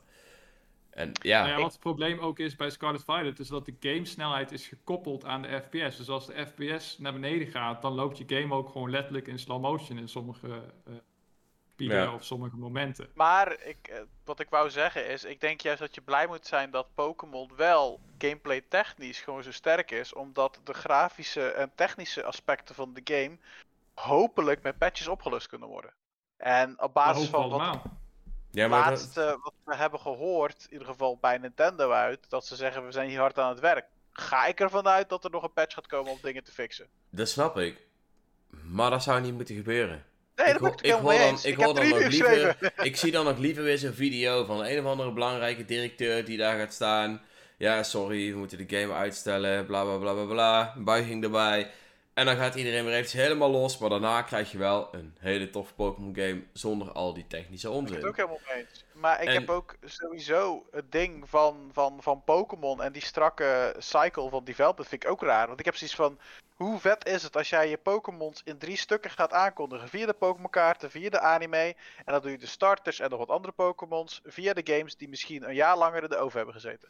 Ja, maar, voor hoe vet is het, om, gewoon... om, 10 miljoen, om 10 miljoen stuks in drie dagen te ja, kopen? Hoe en voor hun is, het gewoon, we moeten hem er voor de kerst uitpompen. En dan weten we dat we weer met de kerst nog wat extra sales ja, maken als jij een jaar later die game uitzet, dan doe je toch alsnog 10 miljoen keer verkopen. Ja, sorry. Ja, goed, ik snap het Ja, maar ja, later ja, had je alweer een andere Pokémon game kunnen ja. hebben. Ja. I know, I know. Dat vinden, de, dat vinden de aandeelhouders niet leuk natuurlijk, als je een jaar later uh, die 10 nee. Maar waar Pokémon games is nietgene waar ze het meeste aan verdienen. Dat is uiteindelijk aan de kaarten. Dat is uiteindelijk de merchandise. De Pokémon games zijn echt een klein stukje van wat de Pokémon Company mee uh, dingen verdient. Dus ja, in principe... Dat, dat, is ook op en klopt, maar voor de Switch is het natuurlijk wel heel goed dat ze weer een, een mm, hebben. Ja. Dat klopt. Alleen, ik zie gewoon meer redenen op een manier hoe je dit kan aanpakken. Maar goed, dat, Ja, uh, zeker, maar... Ik ben, ik ben die, zijn er, die, zijn er zeker, die zijn er zeker ook wel. Maar ja, het feit blijft wel dat ze dat helaas niet, niet doen. En dat dit het resultaat is. En de spagaat waarin wij natuurlijk zitten is... Ik, aan de ene kant zeg ik ook van... Ik werd zelfs een beetje defensief, merkte ik. Want ik zei natuurlijk heel vaak Pokémon af. En nu doet Pokémon eindelijk weer dingen die ik interessant en goed vind. En dat vind ik persoonlijk zwaarder wegen dan de technische kant. Ja. Aan de andere kant vind ik ook wel weer, ben ik tegelijkertijd van mening dat een game in deze staat mag niet uitkomen. Het is soms echt alsof je een alpha beeld aan het spelen bent of een beta. Weet je wel, het is gewoon niet af. Het is gewoon niet af. Ja, en je zou het van een andere game ook niet accepteren. Dat vertel je net zelf, Robin. Snap je? Dus, ja, dat klopt. Als ze Zelda of Mario in deze staat zouden uitbrengen, dan zouden mensen echt met de fakkels en hooivorken naar Kyoto gaan. Ja, maar, en maar ja, er, was zelfs eigenlijk al een beetje wat gezeik op bijvoorbeeld Kokiri Forest en uh, uh, Breath of the Wild. Dat uh, het was het de Kokiri Forest? Ja, ja Kokiri Forest en de Shika Village. Uh, op de Wii U waren niet altijd... Kokiri was echt dramatisch. Ja, dat was later ook nog een beetje gepatcht. Ja. Die hebben ze later ook nog een beetje gepatcht. Maar ja, dat is één gebied. Ja. Op een kaart van 300 vierkante meter of zo. Daarom. En als, als de helft van je game zo loopt, ja, dat is gewoon echt jammer. Ondanks dat het heel veel dingen goed doet. Want ik heb de game echt alleen maar zo weinig gespeeld omdat ik echt gewoon weinig tijd heb. Want de tijd die ik eraan besteed heb, heb ik echt van genoten. Um, ja. Maar ja, het, is, het is wel jammer dat het op deze manier is uitgebracht ik denk het grote verschil wat het met Sword and Shield doet, is dat het sowieso al meer diversiteit aan jou geeft, ook qua Pokémon. Het is geen game waar jij komt, jij loopt die eerste route in, waar je nog niet eens die open wereld in komt. Je loopt die eerste route in en ik heb al zes Pokémon gevangen, allemaal van verschillende type, uh, types. En mocht ik die niet leuk vinden, loop ik een hoekje om en opeens vang ik nog een keer zes andere die weer andere types hebben.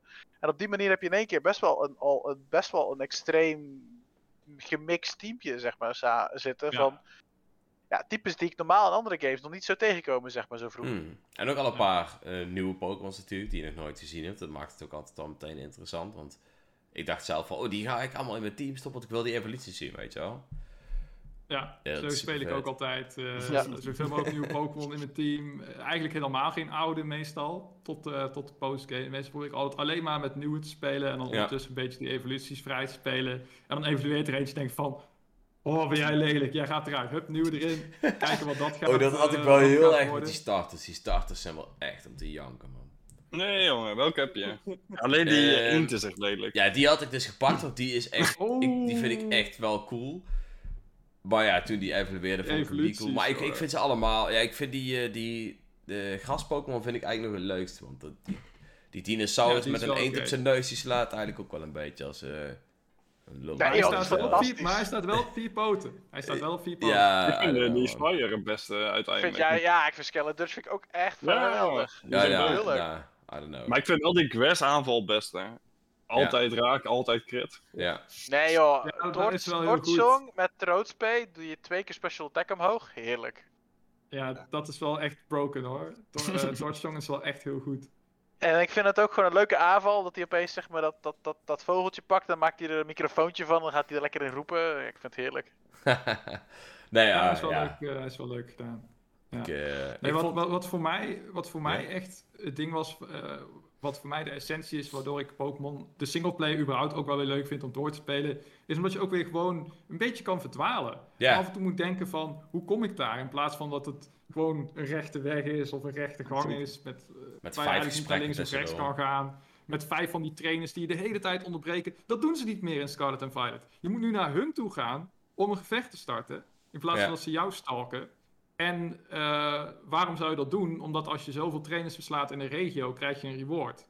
Ja. Dus je kiest er nu zelf bewust voor om, uh, om tijd te steken in die NPC trainer battles. En als je daar geen zin in hebt of die reward boeit je niet, dan doe je het gewoon lekker niet. En dan kan je gewoon avonturieren. Um, en wat ik ook heel vet vond, is bijvoorbeeld... Uh, je hebt dus zo'n sneeuwberg. Die kan je eigenlijk altijd zien. Heel mm -hmm. hoog berg. Uh, en daarachter zit een, uh, zit een strandje met, een, met zo'n uh, Team Starbase, whatever. En wat je kan doen als je wil, zodra je de ability vrijspeelt om door het water heen te gaan, kan je gewoon overal kan je gewoon het water in gaan. En dan kan je gewoon helemaal achterlangs die berg surfen en naar het strandje te gaan. Dan kan je gewoon de hele berg skippen. Ja. En dat soort dingen vind ik echt leuk om, om te ontdekken. En dan kom je onderweg ook weer Pokémon tegen die je nog niet gezien hebt. Bijvoorbeeld die, uh, die, die pingwing met dat ijsblok hoofd uit Sword and Shield. Die vond ik heel tof om weer, uh, om weer terug te zien. Ik vond het en grappig om die ene tegen te komen die zo schilderde. Want daar in de buurt waren ook al die bomen, die waren ook allemaal beschilderd. Oh, ja. oh nice, hier ja. die Pokémon, weet je wel. Dat, ja, dat vond ik gewoon leuk. Dat is echt tof gedaan. Ja, er, zit, er, zit, uh, er, zit, er zitten echt wel leuke dingen in. Maar het kan nog steeds beter. De wereld kan levendiger. ze kunnen sidequests toevoegen waarvan ik het best raar vind dat die eigenlijk gewoon niet in de game zitten, terwijl Arceus die wel had. Ja.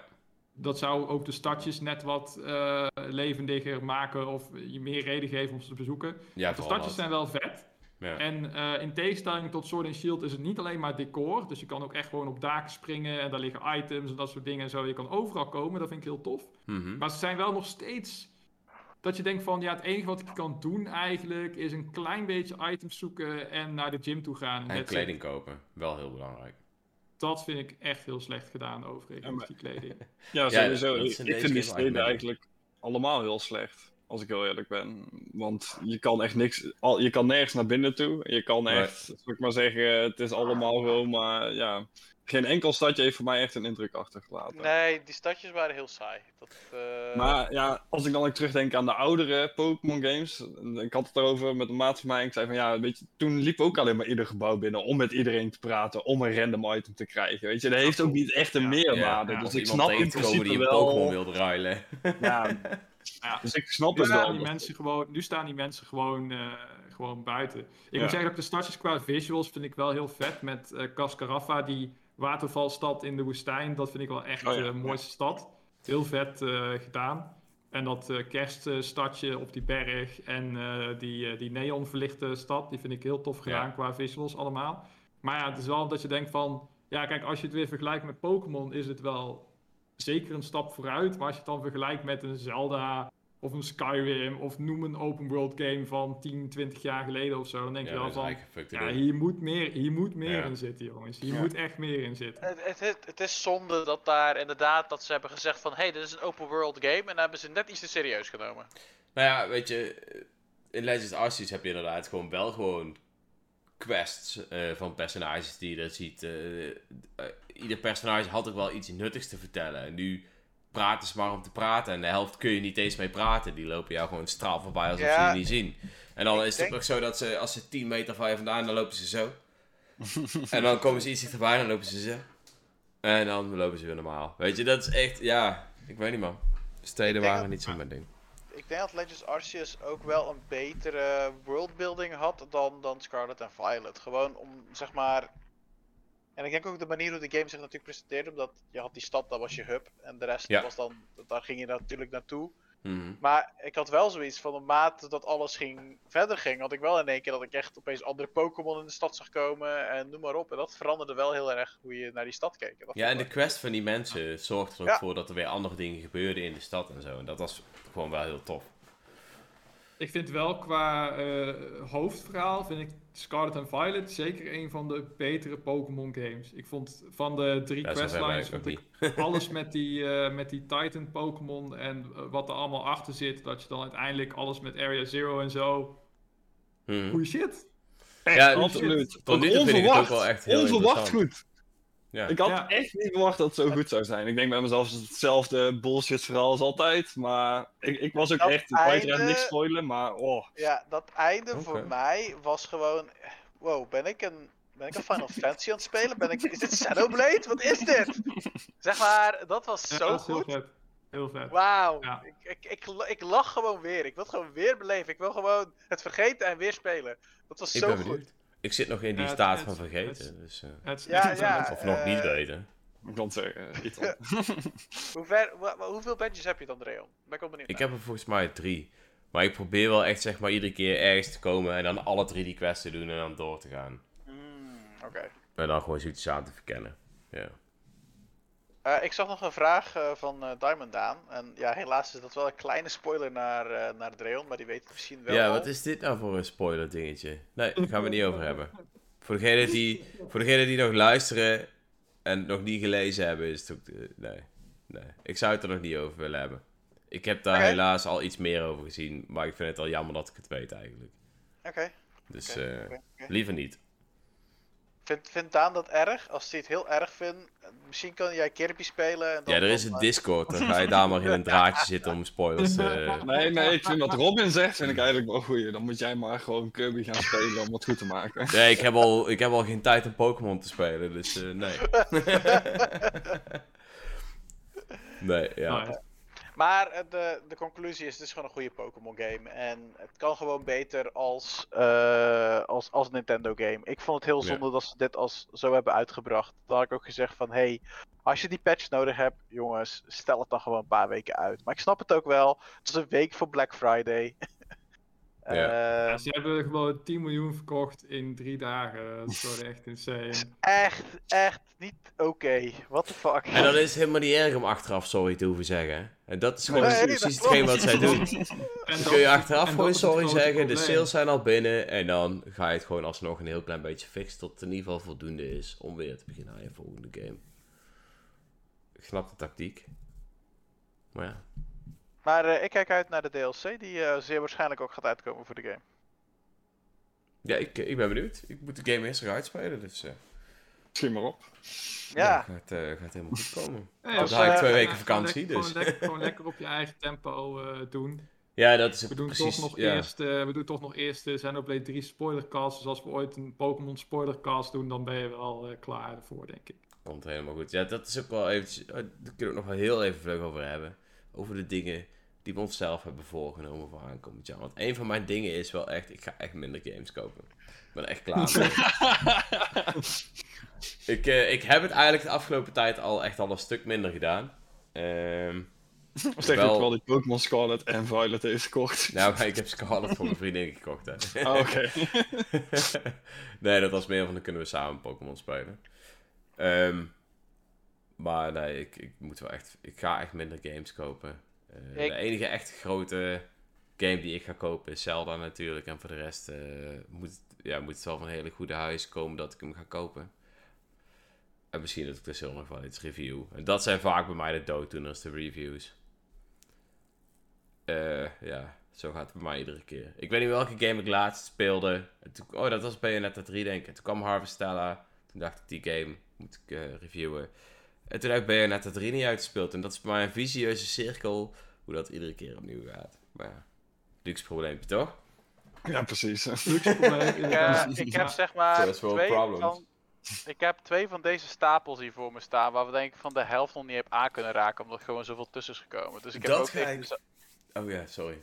Ja, dat ga ik dus ook doen. Ik ga minder games kopen. Mijn vriendin die was al heel blij dat ik dat gisteren zei. Ik zei, ja, ik ga toch echt minder games kopen. Minder collector's editions, minder games. Want ja, het is, het is niet meer normaal. Het past gewoon niet meer. Ja, mijn, mijn, mijn kassen staan ook het allemaal vol hierachter. En die wand probeer ik echt leeg te houden, anders kun je niet eens meer lopen.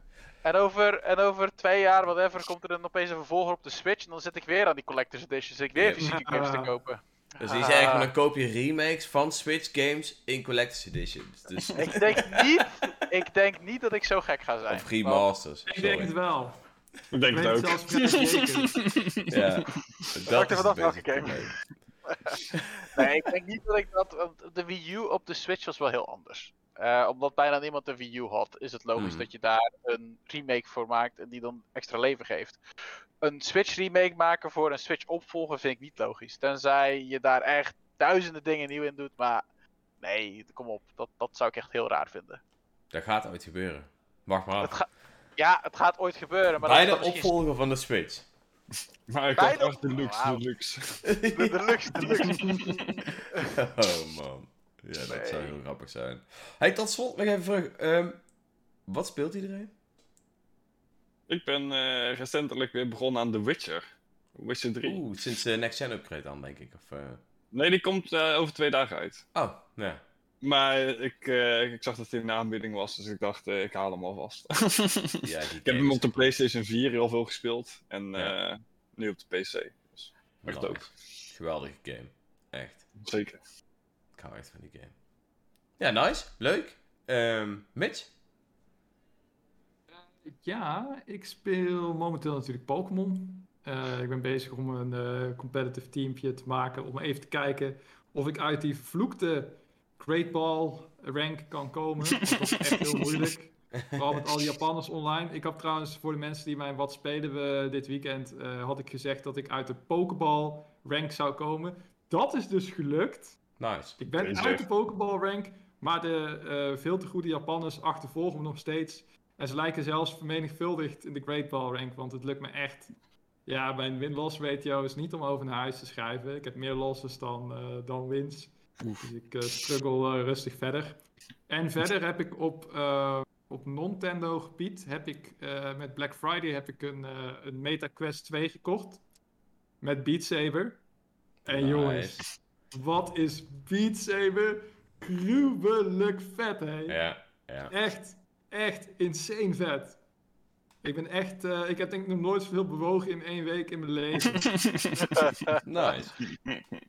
Echt, uh, echt, echt awesome. Ik hou echt van die game. Een beetje blokken opslaan. ook nog een paar drum en bass nummertjes erop. En dan, ik ben al alle gratis tracks aan het uitvoeren die je erbij krijgt. En er is één zo'n pack van zo'n uh, Japanse artiest, Camelia. Die heeft echt de sixte ADHD-nummers die je kan bedenken, jongen. Zelfs op normal zweet je dan gewoon helemaal kapot. Nice. Dat is echt, echt heel vet. Ik kan echt iedereen die bijvoorbeeld uh, uh, Ring Fit Adventure of zo daar plezier uit heeft gehaald. Denk van ik wil gewoon bewegen en gamen. Beat Saber is de tweede game ooit na Ring Fit Adventure die cardio voor mij leuk maakt. En dit is zelfs nog tien keer leuker dan, dan, dan Ring Fit Adventure. Het is echt, echt heel vet. Zeker als je van elektronische muziek houdt, dan mag je deze aanbeveling zelfs nog een keer 100 doen. Oké. Okay. Dus ik weet, heeft een van jullie gespeeld, Beat Saber? Robin? Ja, wel gezien, maar ja. Ik heb gespeeld. Alleen gezien? ja, nooit echt gespeeld, nee. Maar als jij hem hebt, uh, moeten we dan een keer uh, verandering uh, Ik, ja, zeker. Als je hier bent, dan probeer het maar. Mijn vader heeft het afgelopen weekend ook geprobeerd. Zelfs die vond het vet. Oh, nice. vet. Ik, heb Hem, ik heb hem gespeeld en heel vet, ja. Misschien kan je één keer een Nintendo stream doen met Beat Saber. nice. Mag niet. Dat mag niet, denk ik. is, is tegen de Nintendo-regels. Ja, die wordt dan heel agressief. Tenzij, tenzij, de, tenzij, tenzij uh, driekwart van de community of zo uh, erom, uh, erom vraagt. Echt een groot deel. Als er heel veel vraag naar is in de Discord of ergens anders. Als er, als er petities worden getekend en ingeleverd. En dan, dan wil ik er wel over nadenken. Een eigen Twitch-kanaal genaamd Twitch met Mitch. En dan gaat hij daarop streamen. Um, je moet oppassen, want het moment dat jij dus uh, Beat Saber aanzet en opeens gaat streamen onder M1 Up, dan zie je opeens zo'n ninja verschijnen in de achtergrond met een Nintendo logo op de voorhoofd. En dan ja. ben je gewoon klaar. Licht uit, stream uit. Maar sowieso moet je even kijken of je die game mag streamen gezien uh, muzieklicenses en al die uh, bullshit. Dat is altijd wel het probleem met muziekgames. Volgens mij, als je de songs in Beat Saber speelt die gecomponeerd zijn door de composer van Beat Saber, is het volgens mij prima. Ja, ja dat zou kunnen. Maar als het in ieder geval andere songs zijn, dan uh, heb je vaak uh, wat uh, bullshit. Maar cool, Robin, wat speel jij? Op de Switch momenteel ben ik druk bezig met een indie game, Chained Echoes. Nice. Wauw. Ja?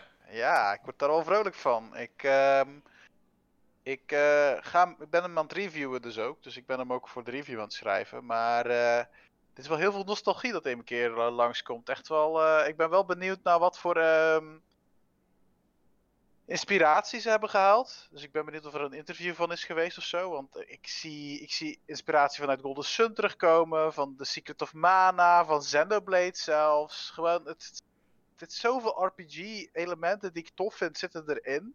Mhm. En elk moment dat ik het spel verder speel, wordt het gewoon vetter. En dat in een 16-bit jasje, dat, dat, dat doet mijn oude hart heel erg blij. Ja, ik heb, dus, al, uh, ik, ik heb die game wel stiekem wel redelijk in de gaten gehouden al uh, een tijdje. En, want volgens mij zit er een mechaatje in en er zit echt van alles ja. in. Dat ziet er echt heel tof uit. Nou, het grappige is voor mensen die nou, ondertussen waarschijnlijk wel weten. Ik, uh, ik, ik was op game. Uh, op, uh, ik werk dus voor een, een videogamebedrijf. En ik was voor. Uh, voor hun was ik op. hoe heet dat ding? Game. in Duitsland, weet het ook alweer? Gamescom. Gamescom. Gamescom. Zo, helemaal kwijt. Klinkt indrukwekkend. Is ook laat. en uh, ik had dus ook een, uh, een code van die game op een of andere manier uh, te bemachtigen. heb ik een stukje op Steam gespeeld. En ik had die wat gevolgd. Ik denk, yo, dit is wel een 16-bit game die uh, mensen in de gaten moeten houden. Toen hoorde ik dat hij op de Switch kwam. Ik denk, oké, die moet ik hm. nu hebben op de Switch. Dus, uh, dus dat. En, uh, ik hoorde dus ook dat het door één Duitser is ja. gemaakt. Ja, klopt. Echt insane. Echt heel sick. Heel vet. Maar hij heeft dus en... ook alles gedaan. Dus ook de muziek en zo, Nee, de muziek of, is wel door iemand anders geloof ik gedaan. Okay, okay. De muziek wel. maar ik geloof ja. dat hij de meeste andere dingen heeft gedaan. Maar dat moet ik allemaal even uitzoeken hoe en wat.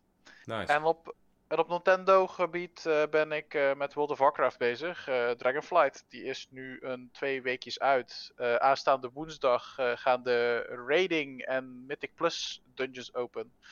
Dat betekent, wat dat betekent is, kort, raiding is zeg maar, je gaat met 10 tot 40 man, of 30 man, ik weet even niet meer, ga je grote bosses verslaan in een, in een MMO. En Mythic Plus is dat je de dungeons die je normaal met vijf man doet, die worden dan eigenlijk moeilijker gemaakt met extra elementen. Dus bijvoorbeeld uh, extra uh, enemies die spannen of die opeens dubbel zoveel HP hebben. Dus dan moet je elke dungeon moet je op een andere manier bereiken.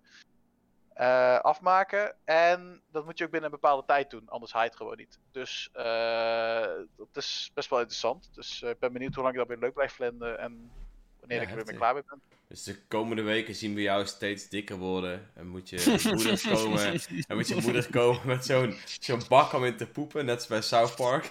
Yep, yep. Yep.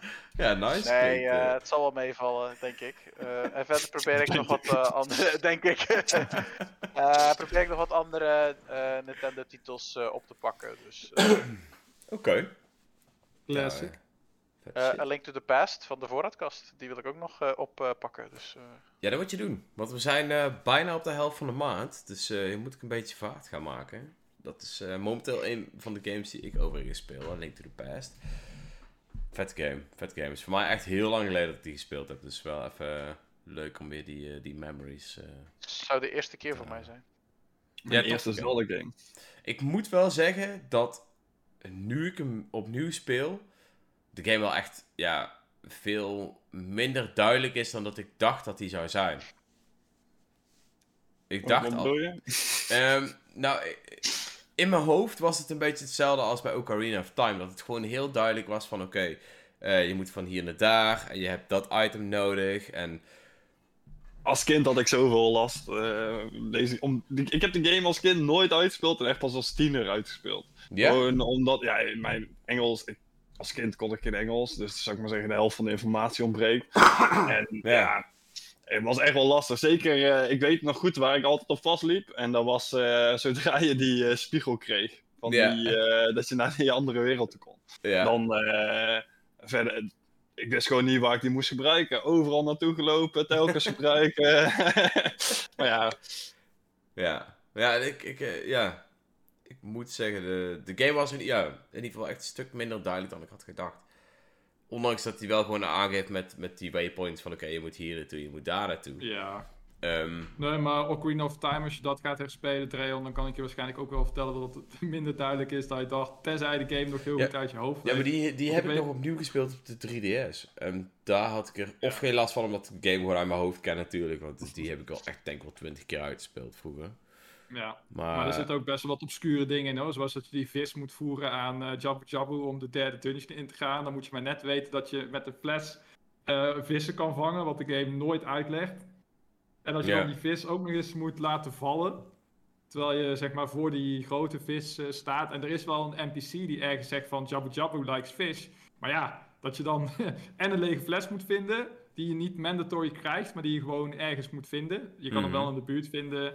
Maar je moet er maar net weten dat hij er uh, dat hij ligt. En dan moet je ook nog eens weten dat je, met die, dat je daar vissen mee kan, uh, kan vangen. Ja. Nou ja, ja, super ja. obscuur. Hoe ik dat ooit heb uitgevogeld als kind, ik heb geen idee. Ja, nee, true. Waarschijnlijk vertelde een van de mensen die verder was in de game op school mij gewoon dat je dat zo moet doen. nee, ja, en dat is eigenlijk voor deze game precies hetzelfde. Uh, het enige voordeel is dat je altijd naar die waarzegster kan die zegt van oké, je moet dit gaan doen. Um, ja. Dus ja, in principe zit je nooit echt vast. Maar, ja. wat, wat ik uh, heel opvallend vond, en dan ga ik... Ik zal het even spoilervrij vertellen, maar je krijgt op een gegeven moment krijg je optionele... Tenminste, ik nam aan dat het optionele krachten waren die je kan vrijspelen. Je hebt drie van die uh, gekke spels of zo, of iets in die trant. En een van die spels moet je gewoon daadwerkelijk gebruiken om een dungeon te openen later in de game. Terwijl ik dacht van, jongen, dit is toch optioneel? Dit is toch hoe dan? Waarom is dit, dit is, dit is een van die items die je krijgt waarbij je denkt van oké, nu kan ik harde vijanden doodmaken, maar voor de rest niks, weet je wel. Gewoon een soort extraatje voor de completionists. En dan moet je die opeens gebruiken om een dungeon te openen. Ja, wazige shit. Ja, ik weet niet of dat dan verplicht is om te gebruiken. Hm? Ik weet niet of dat dan verplicht is om te gebruiken. Volgens mij wel. Maar we kunnen dat uh, na praten. Ja, Educate me. Dus uh, ja, die game ben ik nou nog aan het spelen. Ik ben nog uh, Pokémon aan het spelen, dan uh, zoetjes aan. En als Nintendo game ben ik Kinseed aan het spelen. Het is een Stardew Valley-achtige game. Door de makers van Fable. Door een paar uh, ex-Lionhead Studios mensen. En dat is eigenlijk een, een game waarin jij ja, een, iemand speelt die ja, niet per se echt een boerderij begint, maar die, die komt ergens te wonen. Die kan onder andere een boerderij houden en van alles doen. Vooral ook avonturieren en zo. En um, je, kunt, je kunt ouder worden en uiteindelijk ook doodgaan. En steeds weer een nieuwe uit jouw generatie neemt dat over. Dus iedereen in dat dorpje wordt ouder en gaat dood en krijgt kinderen. En dat dynamiek van heel die game veranderd is met alle characters in die village, plus jouw character met zijn kinderen, et cetera. En dat is wel heel tof gedaan. Dat is wel, uh, ja, een keer wat anders in een RPG. En uh, ja, dat is echt een hele En sowieso zijn er veel te weinig RPG's waarin je Ja, die moet je maar eens opzoeken. Is wel, uh, Hoe heet die? Welke game? Kinseed. K-Y-N-S-E-E-D. Ja, die game is 6 december is die officieel verschenen na vier jaar Kickstarter. Ik heb die toen de tijd gebackt en uh, altijd een beetje gevolgd en nu is hij uit. Dus, ja. Vet game, ja. Interessant, zal eens gaan kijken. Ja, dat is wel, uh, ja, wel leuk om eens uh, in de gaten te houden voor de, de live sim. ze doen, ze doen namelijk, ze, ze doen namelijk heel vaak als ze iets al doen met ouder worden of zo, dan heb je bijvoorbeeld zo'n Tales of Game waarin je de proloog speelt als uh, broekies, zeg maar. En dan later, dan, dan skipt de game 10 jaar en dan ben je opeens 17 of zo, weet je wel. Ja. Maar wat, wat mij juist vet lijkt, is als ze een keer een RPG zouden maken, waarin je zeg maar als tiener even de proloog speelt en daar de wereld in redt. En dan zeg maar de game 30, 40 jaar skipt en iedereen is 50 of zo. en jouw voormalige partymembers of wie jij de wereld hebt gered zijn allemaal corrupt geworden of uh, iets wel een beetje ontspoord. dat jij ze dan stuk voor stuk in elkaar moet slaan of zo om alles weer recht te zetten. Terwijl je, terwijl je continu klaagt over dat je toch wel pijn krijgt aan je rug en zo als je te aan het uh, battle speelt. Ja. Prima in, in die ontwikkelaars. Nee, nee. Ja, maar, maar wat, wat deze game wel heel, heel vet doet, is... Uh, ik, ik kan niet echt precies alles vertellen, want dan verraad ik wat van het verhaal. Maar uiteindelijk is het dus zo dat je... Um, uh, je, je, kunt maar tot een bepaalde leeftijd gaan. Dat komt door, uh, door een bepaalde reden. Dat je maar maximaal zoveel jaar kunt worden. En dat geldt voor iedereen van jouw familie, zeg maar. Dus iedere nieuwe generatie heeft dezelfde age cap. Um, en uh, je Ik kunt... hoorde hetzelfde. Hè? Nevermind. Ik zei age cap. maar, Oké, okay. maar iedereen... Um, uh, hoe moet ik zeggen? Jij kunt er dus ook voor kiezen om bepaalde dingen beter te kunnen doen in jouw leven. Of beter te kunnen krijgen in jouw leven. Maar daar offer je dan wel een paar jaar voor op. Mm. En dat is dus... En met, ja, okay. met ieder kind kun jij opnieuw die keuze maken. Uh, dus hoeveel vrouwen heb je in-game, Dreon? N nog geen. maar dat is, 29, ja, ik leef één jaar. nee, nee, maar het is wel heel cool. Het, het, ja, het zorgt dus voor, voor extra, extra dingen die je mee kunt pikken in, ja, in een character. Maar het nadeel is dus wel, hij gaat weer eerder dood.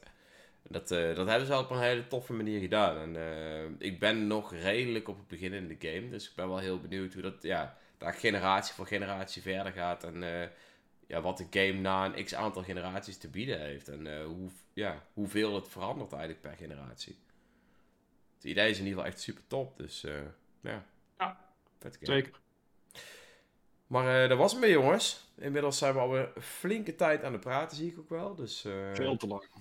Ja, laten we, uh, ja, laten we hopen dat we nog net voor uh, het nieuwe jaar misschien nog wel een podcastje eruit kunnen gooien. Het is wel net tijdens de kerst, dus uh, wie weet.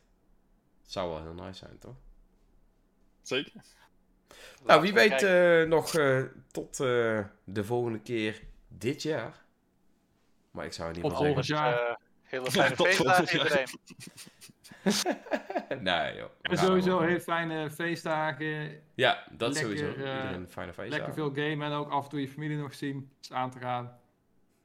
dat, is het recept, dat is het recept voor fijne feestdagen. Lekker veel gamen en af en toe je familie nog zien. nou, uh, goede tip van Mitch. Ik zou zeggen, uh, fijne feestdagen allemaal. En tot de volgende keer. Houdoe. Later.